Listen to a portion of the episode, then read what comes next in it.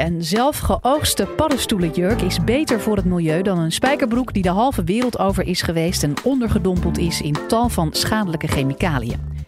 Het textiel is na olie de meest vervuilende industrie ter wereld. En volgens Kim Poltner van de Wageningen Universiteit is een radicaal andere aanpak van de mode-industrie dan ook noodzakelijk. In deze podcast vertelt ze hoe we deze omslag mogelijk kunnen maken en hoe ook jij kunt bijdragen aan een duurzamere garderobe. Live vanuit Club Air is dit de Universiteit van Nederland. Ik heb een enorme passie voor mode, al hele lange tijd. En daarom ben ik op mijn achttiende aan de Modeacademie in Amsterdam gaan studeren. Daar leerde ik echter dat hoe mode gemaakt wordt verre van glamorous is en juist ten koste gaat van mens en milieu. Dus er kwam de vraag op, hoe kan ik mij nou goed voelen in kleding die door kinderen is gemaakt en rivieren in toxische wateren doet veranderen. Ik realiseerde me dat het bedrijfsmodel drastisch moet veranderen.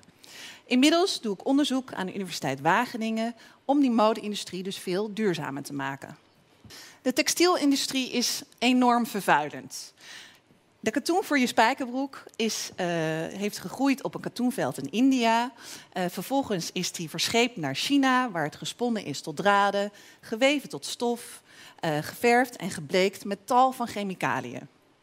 Daarna is de stof naar Bangladesh vervoerd om te worden genaaid tot jouw spijkerbroek. En in Europa uiteindelijk terechtgekomen in de winkel en bij jou, de eindconsument. Dit alles tezamen maakt dat de industrie verantwoordelijk is voor 10% van de wereldwijde CO2-uitstoot.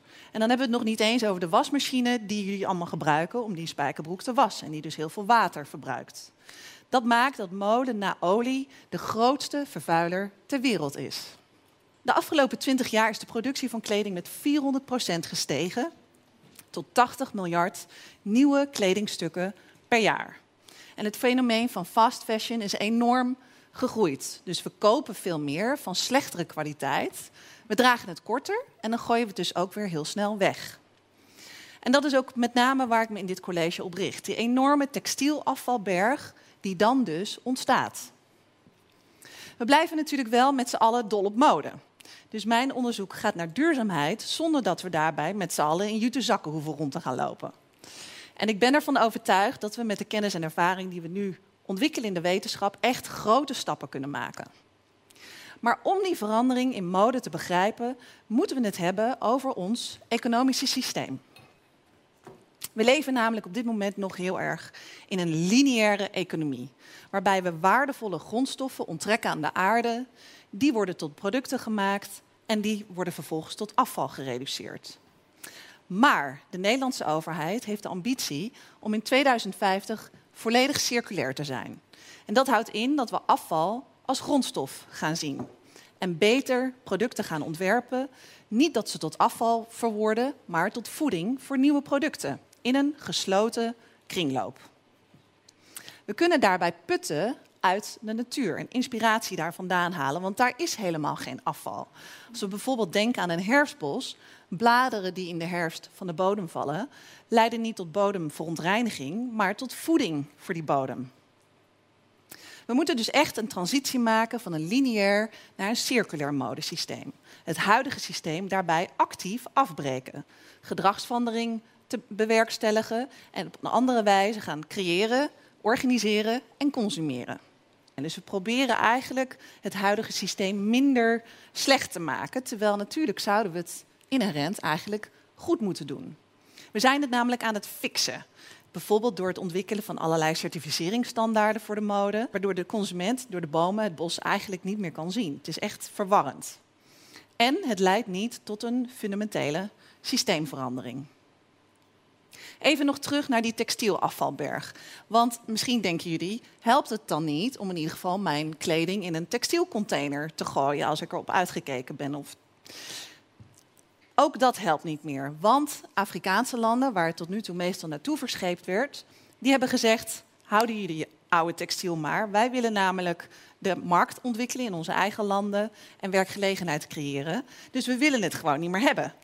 Dus dat maakt dat het nog belangrijker wordt voor ons landen hier in Europa om op een creatieve manier met het textiel af om te gaan en nieuwe bedrijfsmodellen te ontwikkelen om daarmee te dealen.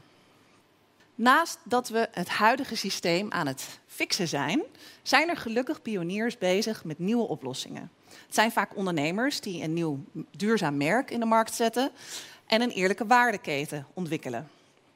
Eugène, jij hebt een outfit aan die volledig duurzaam gemaakt is. Laten we even beginnen bij jouw overhemd, je shirt. Dat is gemaakt van hennep. Nou, hennep is een veel duurzamer gewas dan katoen. Het groeit namelijk veel sneller. Het heeft een sterkere vezel, dus gaat langer mee. Um, er wordt ook veel minder water en veel minder chemicaliën gebruikt bij het proces van, van uh, het kweken van hennep. En we kunnen het lokaal verbouwen, hier bijvoorbeeld in Gelderland, waardoor er minder transport en CO2-uitstoot nodig is. Maar hoe zit dat nou, zo'n hennep-shirt? Het zit heel erg comfortabel. Ja. Het heeft een beetje zeg maar, uh, het comfort van, uh, van linnen. Wat in de zomer prettig is om te dragen, omdat het luchtig is. Ja. Maar het is ook heel zacht, valt me op. Het is echt aangenaam zacht, een beetje zoals zijde ook kan zijn. Um, en het, is heel, ja, het draagt heel ontspannen, heel, Ja. heel casual. Wat, wat katoen vaak ook wel heeft. Ja, precies. Nou, fijn. hey, jouw broek is geleased. Dat houdt in dat je maandelijks een bedrag betaalt om hem te kunnen dragen. En na een maand of zes kun je zeggen: Ik wil een nieuw model, ik ruil hem in. En jouw jasje is gemaakt van gerecyclede denim, dus van, van spijkerbroeken. Uh, dat is natuurlijk, het recyclen van stof is ook een heel mooie oplossing om met het textielafvalprobleem om te gaan. Afval heeft vaak een slechte reputatie. En op dit moment is nog maar 1% van onze textiel heeft gerecyclede content. Hoe zit dat jasje voor jou?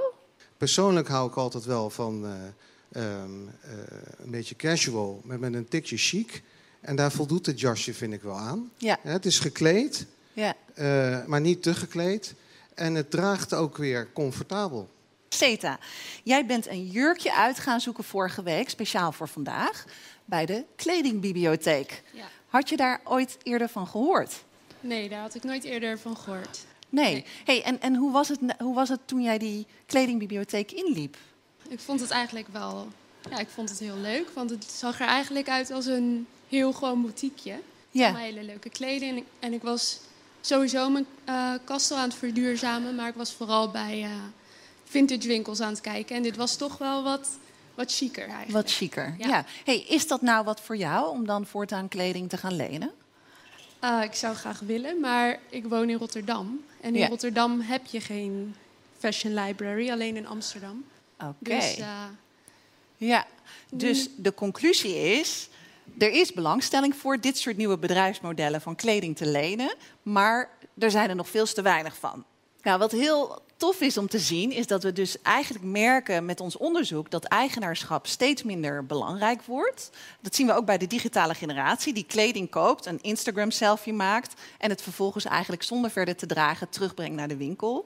En dan kan je je afvragen, is het dan niet logischer om het te lenen in plaats van te kopen? Nou, wat we dus zien is dat nieuwe bedrijfsmodellen om kleding langer te gebruiken en technologieën om kleding te recyclen zijn superbelangrijk voor die transitie waar ik het net over had. Maar ze richten zich niet op een fundamentele verandering van het modesysteem. Want waarom is er nog steeds zoveel textielafval wat we dan vervolgens moeten gaan recyclen? Kunnen we niet toe met minder afval en produceren zoals de natuur dat bijvoorbeeld doet? Namelijk dat we ook onderzoek doen met vernieuwers die het over een radicaal andere boeg gaan gooien. Dat zijn vaak ontwerpers die bijvoorbeeld met mest, groene thee, algen nieuwe textiele materialen ontwikkelen. Het mooie is aan dit soort materialen is dat ze uh, vaak antibacteriële eigenschappen hebben, uh, biologisch afbreekbaar zijn. En dan zou je je kunnen voorstellen dat fast fashion geen probleem meer hoeft te zijn. Want stel je voor dat we deze materialen echt gaan dragen. Nou, misschien dragen we ze maar vijf keer, net zoals we dat nu doen met fast fashion. Maar dan kunnen we ze gewoon in de groenbak gooien. Dus niet bij die grote textielafvalberg. Hoe interessant zou dat kunnen zijn? En als jullie nou je afvragen, wanneer kunnen we dit soort materialen in de winkel verwachten? H&M heeft eerder dit jaar een exclusieve collectie gelanceerd, waarin onder andere Pinatex, dus leer van ananasschillen, verwerkt zit. Je ziet het hier op het jasje zitten. Maar de vraag is, willen we dit allemaal wel? Willen we in de toekomst t-shirts van algen gaan dragen? Daarom doen we ook consumentenonderzoek in Wageningen. En we zien dat gedrag cultureel diep verankerd zit. En dan komen we er eigenlijk achter dat circulariteit helemaal niet alleen gaat over materiaalstromen, maar ook vooral over waarden. Niet alleen onze eigen waarden, maar ook hoe we waarde toekennen aan dit soort nieuwe materialen. Of hoe, hoe we ze verwaarden, zou je kunnen zeggen. Op dit moment ligt de focus nog enorm op economische waarden in onze maatschappij. Terwijl we de sociaal en de planeetvriendelijke waarden nauwelijks in ogenschouw nemen. Maar wat gezegd van, het, van de waarde van draagcomfort, zoals we net zagen bij Eugène. Of de esthetische waarde, hoe het eruit ziet. Of misschien is die jurk die je graag draagt nog van je oma geweest en heeft het dus ook emotionele waarde. We merken dus dat een andere denkwijze echt super cruciaal is. En dan komen we bij de vraag: wat is nou nodig op persoonlijk niveau? Wat heeft nou voor jou waarde?